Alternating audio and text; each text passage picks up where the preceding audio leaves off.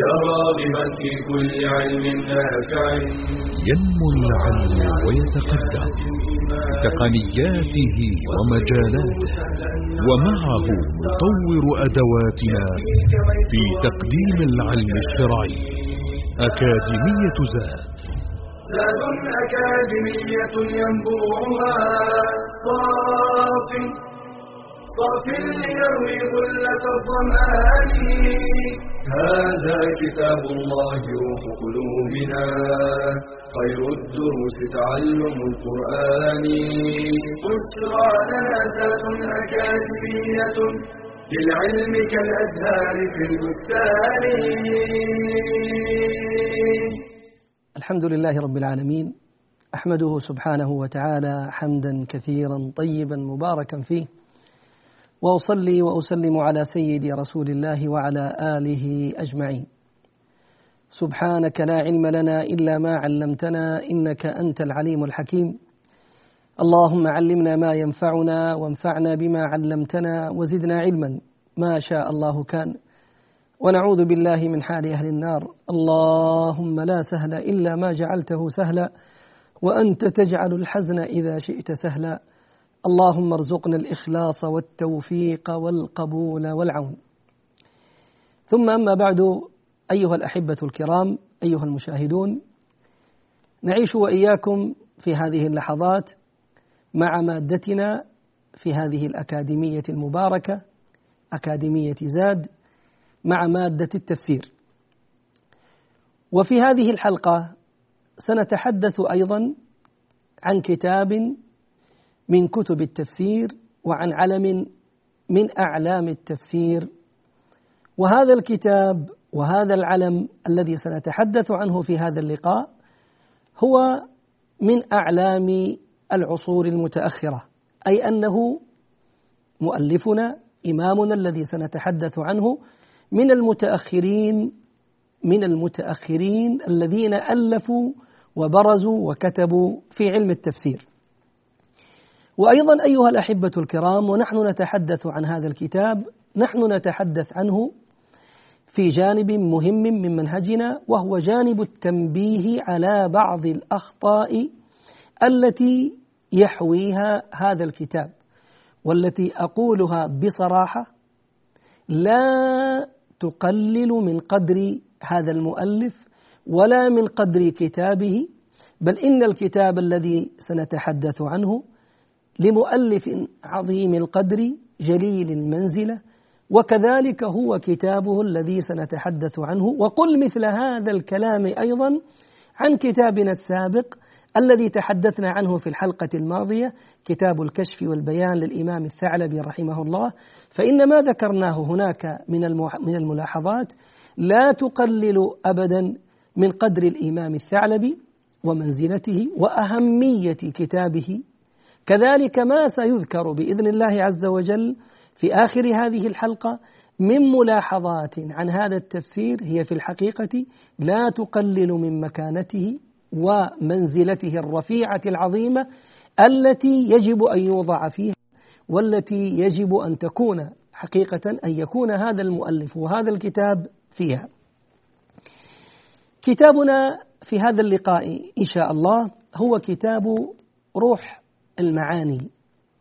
كتاب روح المعاني في تفسير القرآن والسبع المثاني لعالم كما قلنا من العلماء المتأخرين المبرزين في علم التفسير وهو أبو الثناء شهاب الدين السيد محمود أفندي الألوسي محمود أفندي الألوسي والذي اشتهر هذا التفسير باسمه فيقال له تفسير الألوسي واسمه كما ذكرنا روح المعاني في تفسير القرآن العظيم والسبع المثاني.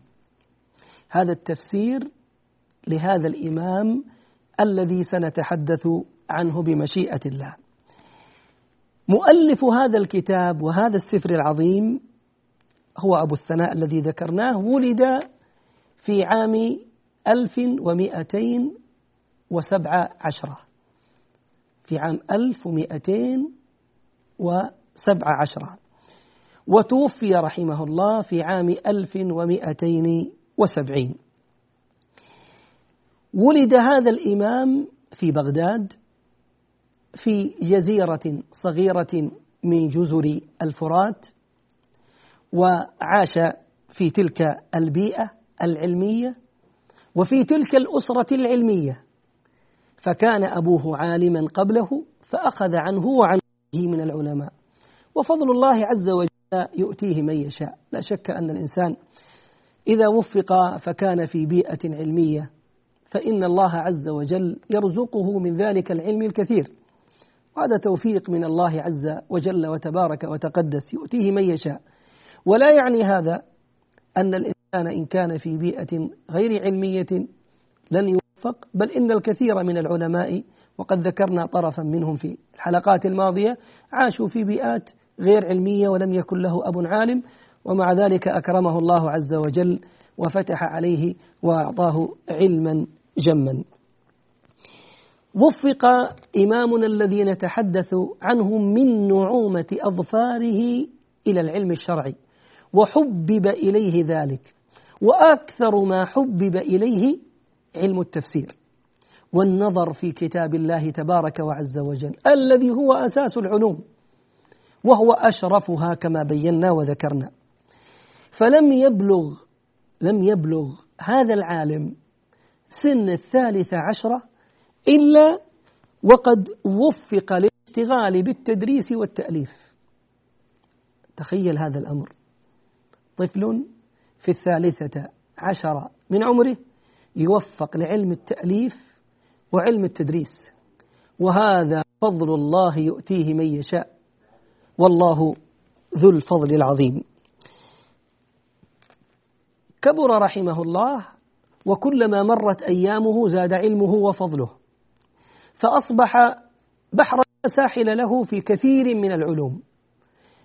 في علم التفسير وفي علم الحديث فهو محدث ناقد بصير بما يذكر وما يكتب. فقيه نحوي لغوي شاعر. قل ما شئت عن هذا العلم الذي حباه الله عز وجل انواعا وألوانا من الفنون حتى أصبح بين أقرانه وبين زمانه يتبوأ أعلى المناصب بفضل الله تبارك وعز وجل. قلد هذا الرجل أوقاف المدرسة المرجانية وكانت لا تعطى هذه الأوقاف إلا لأعلم أهل البلد. ثم وفق بعد ذلك فتقلد إفتاء الحنفية فأصبح المفتي للحنفية وهو في سن الرابعة والثلاثين تقريبا أو قريب منها. عمره قرابة الرابعة والثلاثين ومع ذلك يعين مفتيا للأحناف في بغداد. كان رحمه الله أعلم أهل بلده سافر إمامنا رحمه الله إلى القسطنطينية وذلك بعد فتنة تعرض لها ووشاية حصلت له كانت سببا في عزله من منصبه. فسافر وحمل معه كتابه العظيم الذي هو كتاب روح المعاني إلى القسطنطينية وعرضه هناك على عبد المجيد خان فسر به جدا وأجاز ذلك الكتاب وذلك السفر العظيم ثم وفق بعد ذلك بعد أن زالت الغمة وأذهب الله عز وجل عنه الأعداء عاد بعدها إلى بغداد. رحمة الله عليه رحمة واسعة ولنا معه إن شاء الله حديث بعد الفاصل. أكاديمية للعلم كالأزهار في البستان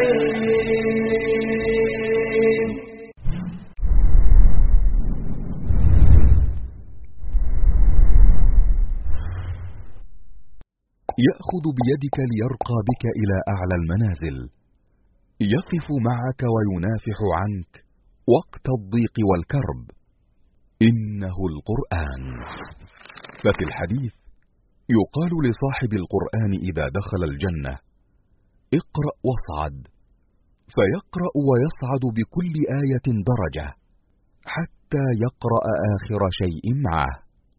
وحين تأتي أهوال يوم القيامة وشدائده لا يتخلى القرآن عن أصحابه.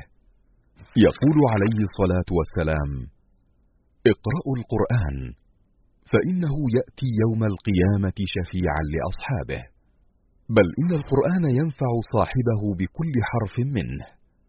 إن القرآن يرفعك وينفعك في الدنيا والآخرة.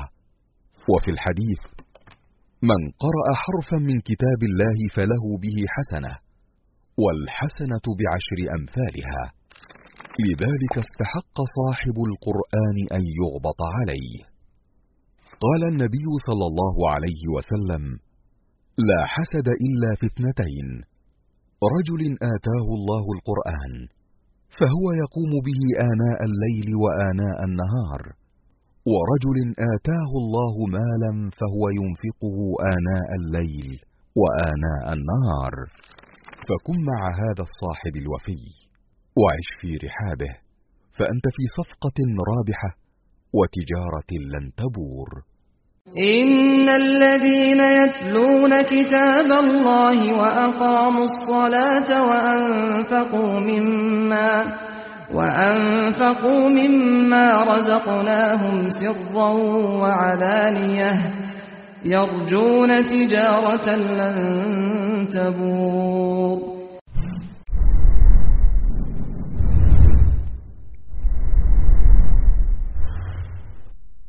بشرى أكاديمية للعلم كالأزهار في البستان. حياكم الله أيها الأحبة. عدنا إليكم بعد الفاصل وكنا نتحدث عن هذا الإمام العظيم آه الإمام الألوسي صاحب تفسير روح المعاني. وذكرنا في آخر فقرة أنه عاد من سفرته إلى القسطنطينية بعد أن مكث هناك سنين. عاد بعدها رحمه الله إلى بغداد.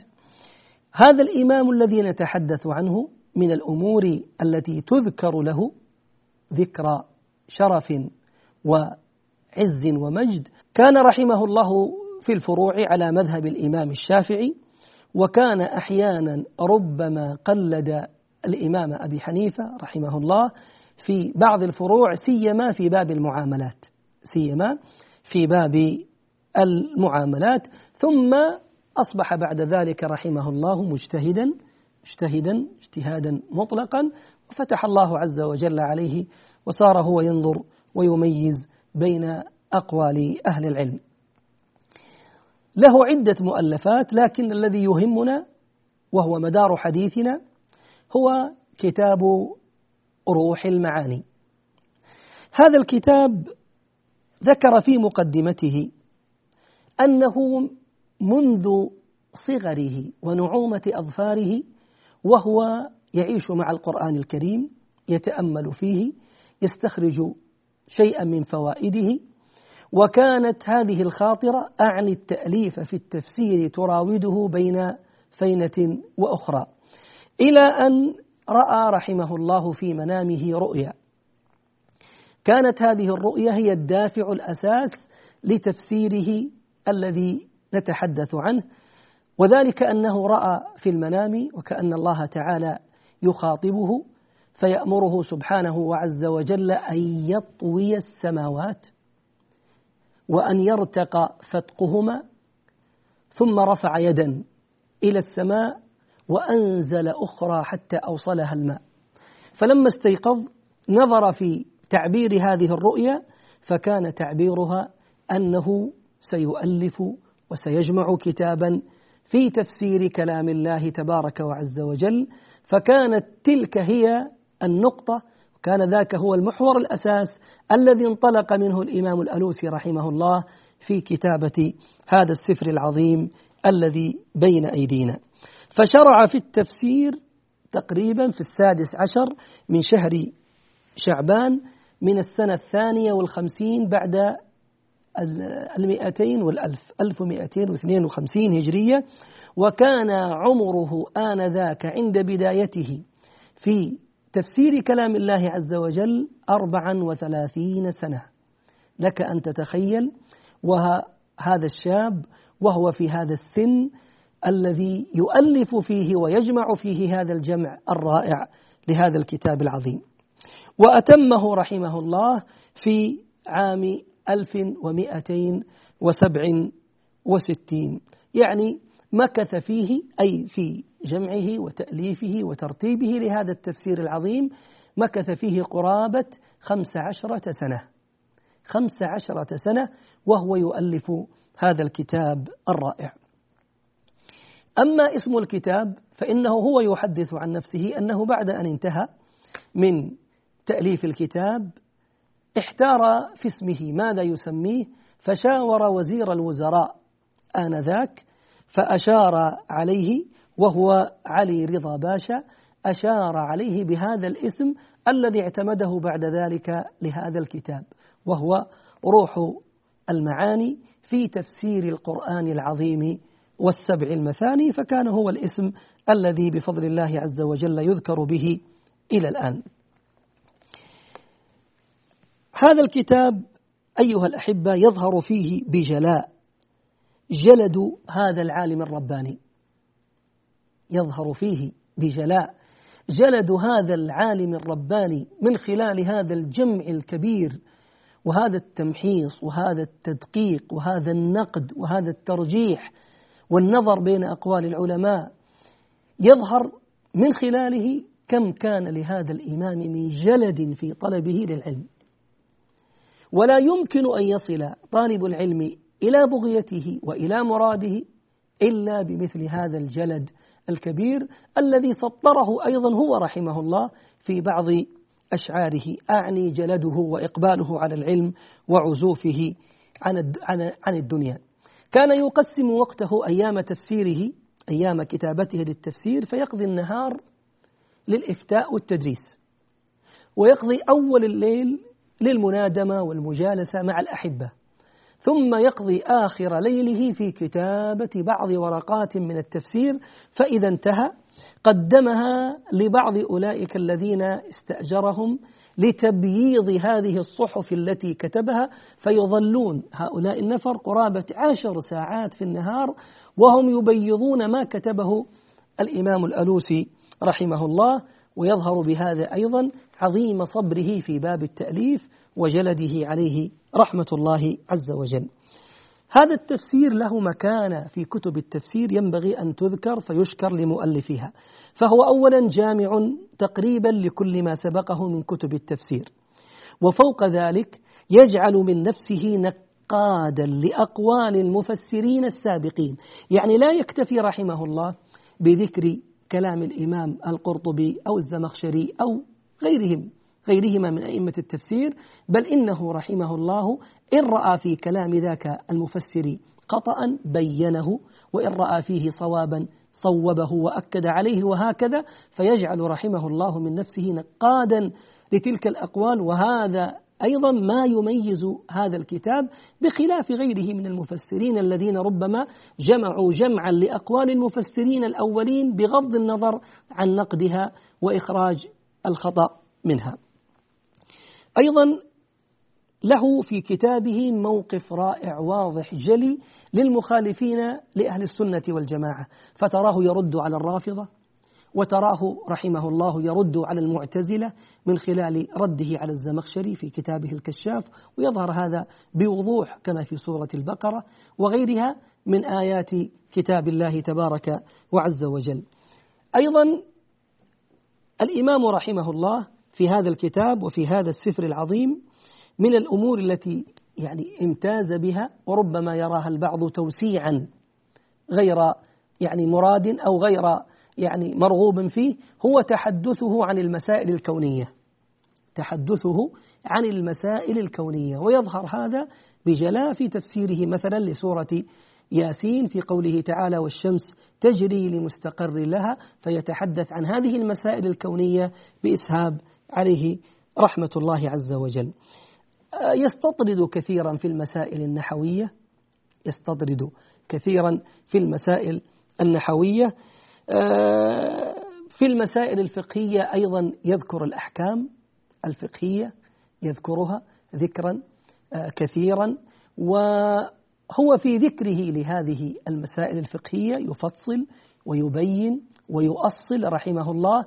ومما يمتاز به عند حديثه عن الأحكام الفقهية هو عدم تعصبه رحمه الله. بل تراه أحيانا يرجح غير قول إمامه الشافعي ويختار قولا آخر وهكذا يرد أحيانا على بعض ما ذكر عن الحنفية. فتراه رحمه الله متجردا في الغالب من كلامه غير متعصب لإمام من الأئمة وما أحوج. طالب العلم لهذا النفس في طلبه وفي مسيره في طلبه للعلم. عدم التعصب لا للأقدمين ولا للمعاصرين بل يكون هدفه مراده طلب الحق فالحكمة والحق ضالة المؤمن. أن وجدها أخذها. كذلك كان إمامنا رحمه الله الإمام الألوسي الذي نتحدث عنه. يذكر رحمه الله الإسرائيليات ولكن يذكرها مع نقده لما خالف منها الحق والصواب. ويكثر رحمه الله من نقد الإسرائيليات فهو المحدث. كما ذكرنا في أول الحلقة هو مع جلالة قدره في علم التفسير هو إمام من أئمة الحديث ممن يعرف صحيحه من ضعيفه. كذلك في نقده لهذه الإسرائيليات قلنا يبين ما فيها من الواهي وينتقدها بشدة لا سيما إن كانت مخالفة للشرع مخالفة للعقل وهذا مما امتاز به هذا الكتاب المبارك. آه، يعرض رحمه الله القراءات. بل ويعرض أيضا أسباب النزول إن وجدت. ومن الجميل أيضا ذكره للمناسبات بين السور بل وبين الآيات. يتعرض رحمه الله لذكر المناسبات حتى بين الآيات. أسأل الله أن يوفقنا وإياكم للاستفادة منه. إنه على كل شيء قدير وفاصل. ونعود إن شاء الله. أكاديمية للعلم كالأزهار في البستان.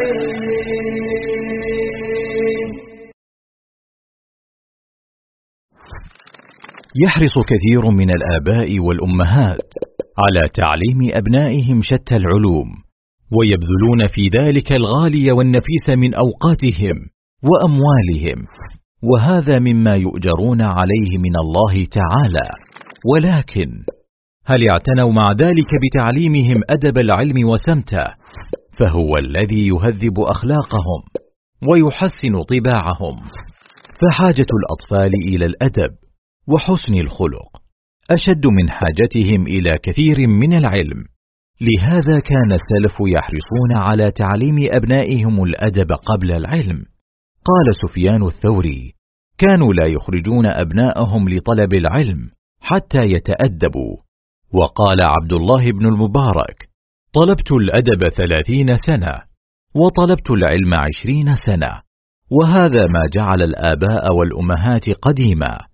يدفعون بأولادهم إلى المؤدبين والعلماء حتى يقتبسوا من أخلاقهم وآدابهم قبل علومهم.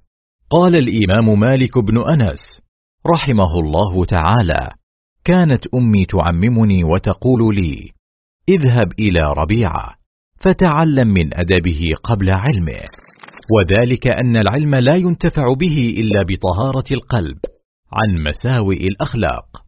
ولعل هذا الأمر. هو ما دفع العلماء إلى اشتراط أن يتتلمذ طالب العلم للعلماء لا للكتب فحسب. وذلك حتى يتاكدوا من تخلقه بأخلاق العلماء وتحليه بأدبهم. ويظهر عليه سمت العلم وأدبه ونوره. قال عبد الله بن وهب ما تعلمناه من أدب مالك أكثر مما تعلمناه من علمه. ومما يدلك على منزلة الأدب والأخلاق أن النبي صلى الله عليه وسلم قد جمع بين العلم والأخلاق والأدب ولما أثنى عليه ربه سبحانه وتعالى أثنى عليه بالأخلاق والأدب فقال وإنك لعلى خلق عظيم. بشرى أكاديمية. للعلم كالأزهار في البستان. حياكم الله أيها الكرام. كنا قبل الفاصل نعيش مع إمامنا الإمام الألوسي رحمه الله ومع كتابه روح المعاني. ذكرنا مكانة هذا الكتاب وما يمتاز به هذا السفر الذي نعيش وإياكم معه. بقي أن نذكر أن من الأمور التي ذكرها الإمام الألوسي رحمه الله في كتابه والتي عدها بعض العلماء من الأمور المعيبة في مثل هذا السفر العظيم هو ما يسمى بالتفسير الإشاري. ما يسمى بالتفسير الإشاري. فما هو هذا التفسير الإشاري الذي يعرض له الإمام الألوسي رحمه الله؟ التفسير الإشاري هو تأويل الآيات على خلاف ما يظهر منها. هو تأويل الآيات على خلاف ما يظهر منها بمقتضى إشارات خفية. لاحظ لأرباب السلوك ويمكن التطبيق بينها وبين الظواهر المرادة. أي أن هذا الأمر كما يقولون أرباب هذا الفن تفسير الإشاري لا يفهمه كل أحد بل هو خاص بفئة معينة بطبقة معينة ممن يمارسون الرياضات الروحية. هم الذين يستطيعون أن يعرفون هذا التفسير. بصورة أخرى نستطيع أن نقول بصورة أوضح قليلا وأقرب للمشاهد هو ما يسمى بالتفسير الظاهر وبالتفسير الباطن. فيقولون إن لبعض الآيات تفسيرا ظاهرا. هذا التفسير الظاهر يفهمه كل إنسان. كل إنسان عربي يقرأ هذه الآية يستطيع أن يفهمها فهما ظاهرا ولهذه الآية تفسيرا باطنا لا يفهمه إلا الخواص هؤلاء الخواص هؤلاء الخواص هم الذين مارسوا بعض الرياضات الروحية فأعانتهم على هذا الفهم العميق الذي لا يفهمه أكثر الناس إنما يفهمه هؤلاء دون دون غيرهم.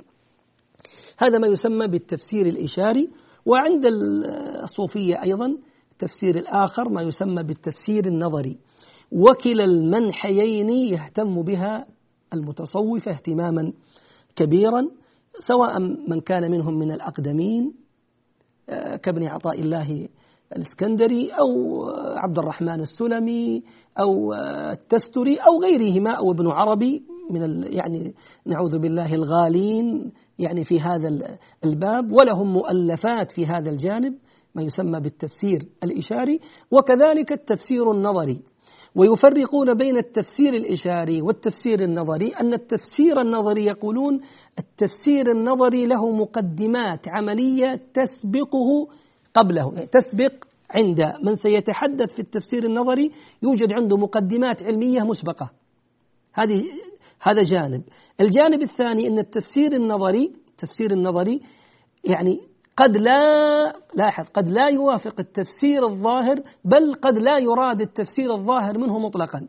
أما التفسير الإشاري الذي يعني خاض فيه الإمام الألوسي رحمه الله فهو ما كانت مقدماته رياضات روحية وهو أيضا لا يغفل لاحظ لا يغفل الجانب الظاهر من الآية. فهم يأخذون الجانب الظاهر من الآية ثم يعقبون ذلك بالكلام عن الجانب الباطن الآخر الذي يسمى بالتفسير الإشاري. وإذا نظرت في كلام الإمام الألوسي رحمه الله عند تعرضه للتفسير الإشاري تجده أنه كله من هذا المسلك من المسلك الآخر الذي الذي لا يناقض فيه التفسير الإشاري لا يناقض فيه التفسير الإشاري المعنى الظاهر الصادر من الآية. هل يوافق على هذا المنحى أو لا يوافق على هذا المنحى؟ هل هذا المنهج الذي اتبعه في ذكر التفسير الإشاري سليم خاطئ؟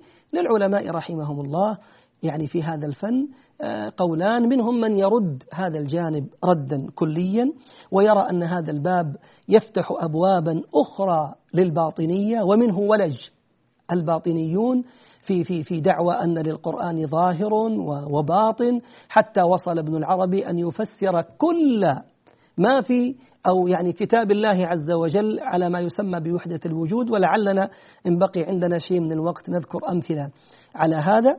فيردون هذا ردا كليا من أجل ألا يصل الإنسان به إلى طريق سيء ومنهم من يفرق بين التفسير الإشاري المحمود وبين التفسير الإشاري المذموم ويجعلون أن التفسير الإشاري المحمود هو ما لم يكن فيه مخالفة لشرع الله عز وجل ولا وما لم يرد به ظاهر يعني القرآن الكريم وما لم يكن فيه مخالفة للعقل ما يكون أيضا فيه توافق ما يكون فيه توافق لجانب من جوانب اللغة العربية يجعلون لهم شروط في قبول هذا التفسير الإشاري ويستدلون على ذلك بأدلة. ومن ذلك مثلا قول الله عز وجل فما لهؤلاء القوم لا يكادون يفقهون حديثا أفلا يتدبرون القرآن أم على قلوب أقفالها؟ فيقولون المراد هو التدبر والتدبر من من الدبر أي النظر في في في في عاقبة الأمر وفي آخره وهذا منه كما يزعمون.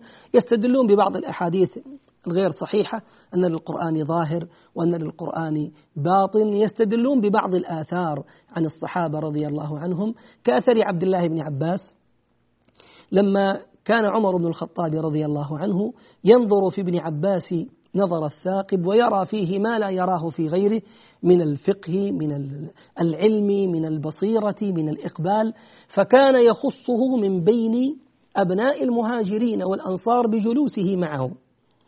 فكأن بعض المهاجرين والأنصار وجدوا في أنفسهم من ذلك إذ أن عمر يقدم عبد الله بن عباس على أبنائهم.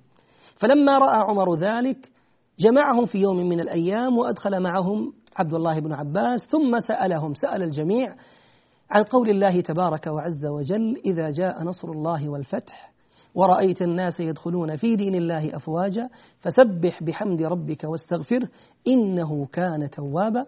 فخاض الجميع وبينوا أن المراد إذا جاء فتح مكة فإن على المؤمن عند اكتمال هذا الخير أن يستغفر الله عز وجل وأن يسبحه. فلما انتهوا نظر عمر بن الخطاب إلى عبد الله بن عباس فسأله عما يفهم من هذه الآية. قال لا أفهم منها إلا أنها نعي الله لنبيه. فيها بيان خاتمة النبي صلى الله عليه وسلم ودنو أجله. فقال عمر وأنا كذلك لا أفهم منها إلا ما فهم منها عبد الله بن عباس. فقالوا هذا من التفسير الإشاري الذي ليس فيه مخالفة للظاهر. وذكروا أمثلة أخرى على هذا وقيدوا ذلك بقيود وذكروا ضوابط وشروط لكن فتح هذا الباب سيقود إلى طوام كبرى وهذا ما جعل بعض أهل العلم يحذرون من هذا التفسير الإشاري الذي استغله الباطنية من القرامطة وغيرهم من أصحاب الملل الفاسدة إلى يعني نعوذ بالله أن وصلوا إلى إلى إلى إلى أمور سيئة جدا. وقال القرآن له ظاهر وباطن وجاءوا بتفسيرات غريبة وبعيدة. كل البعد تماما عن مراد الله عز وجل وتبارك وتقدس. فهم احتاطوا لدينهم وجعلوا لطالب العلم ما ينفعه وأبعدوه عما, عما يضره. أذكر هذا الخلاف لتعلم عذر الإمام الألوسي رحمه الله. فقد يقول قائل كيف هو إمام بهذا القدر وهذه المنزلة وهذه المكانة؟ مفسر محدث نحوي لغوي كذا. ثم هو يقع في مثل هذه الأخطاء أقول إنما هو سالك في ذلك سبيل من رأى من أهل العلم جواز الأخذ بالتفسير الإشاري بضوابطه وهو الذي يذكره رحمه الله في كتابه روح المعاني. وجود مثل هذه الأمور في مثل هذا السفر العظيم لا تقرر لا تقل يعني تقلل من مكانة هذا التفسير، لا تنزل من قدر هذا الإمام، بل كفى بالمرء نبلا أن تعد معايبه، هذا إن اعتبرناها من المعايب رحم الله الإمام الالوسي ورحم الله علماء المسلمين أجمعين. نفعنا الله وإياكم بما في كتبهم من علم غزير. إنه على كل شيء قدير. وإلى لقاء قادم إن شاء الله نلقاكم. والسلام عليكم ورحمة الله وبركاته. تلك العلوم دروسها ميسورة في صرح علم الراسخ الأركان. بشرى لنا بشرى لنا بشرى لنا ذات أكاديمية. للعلم كالأزهار في البستان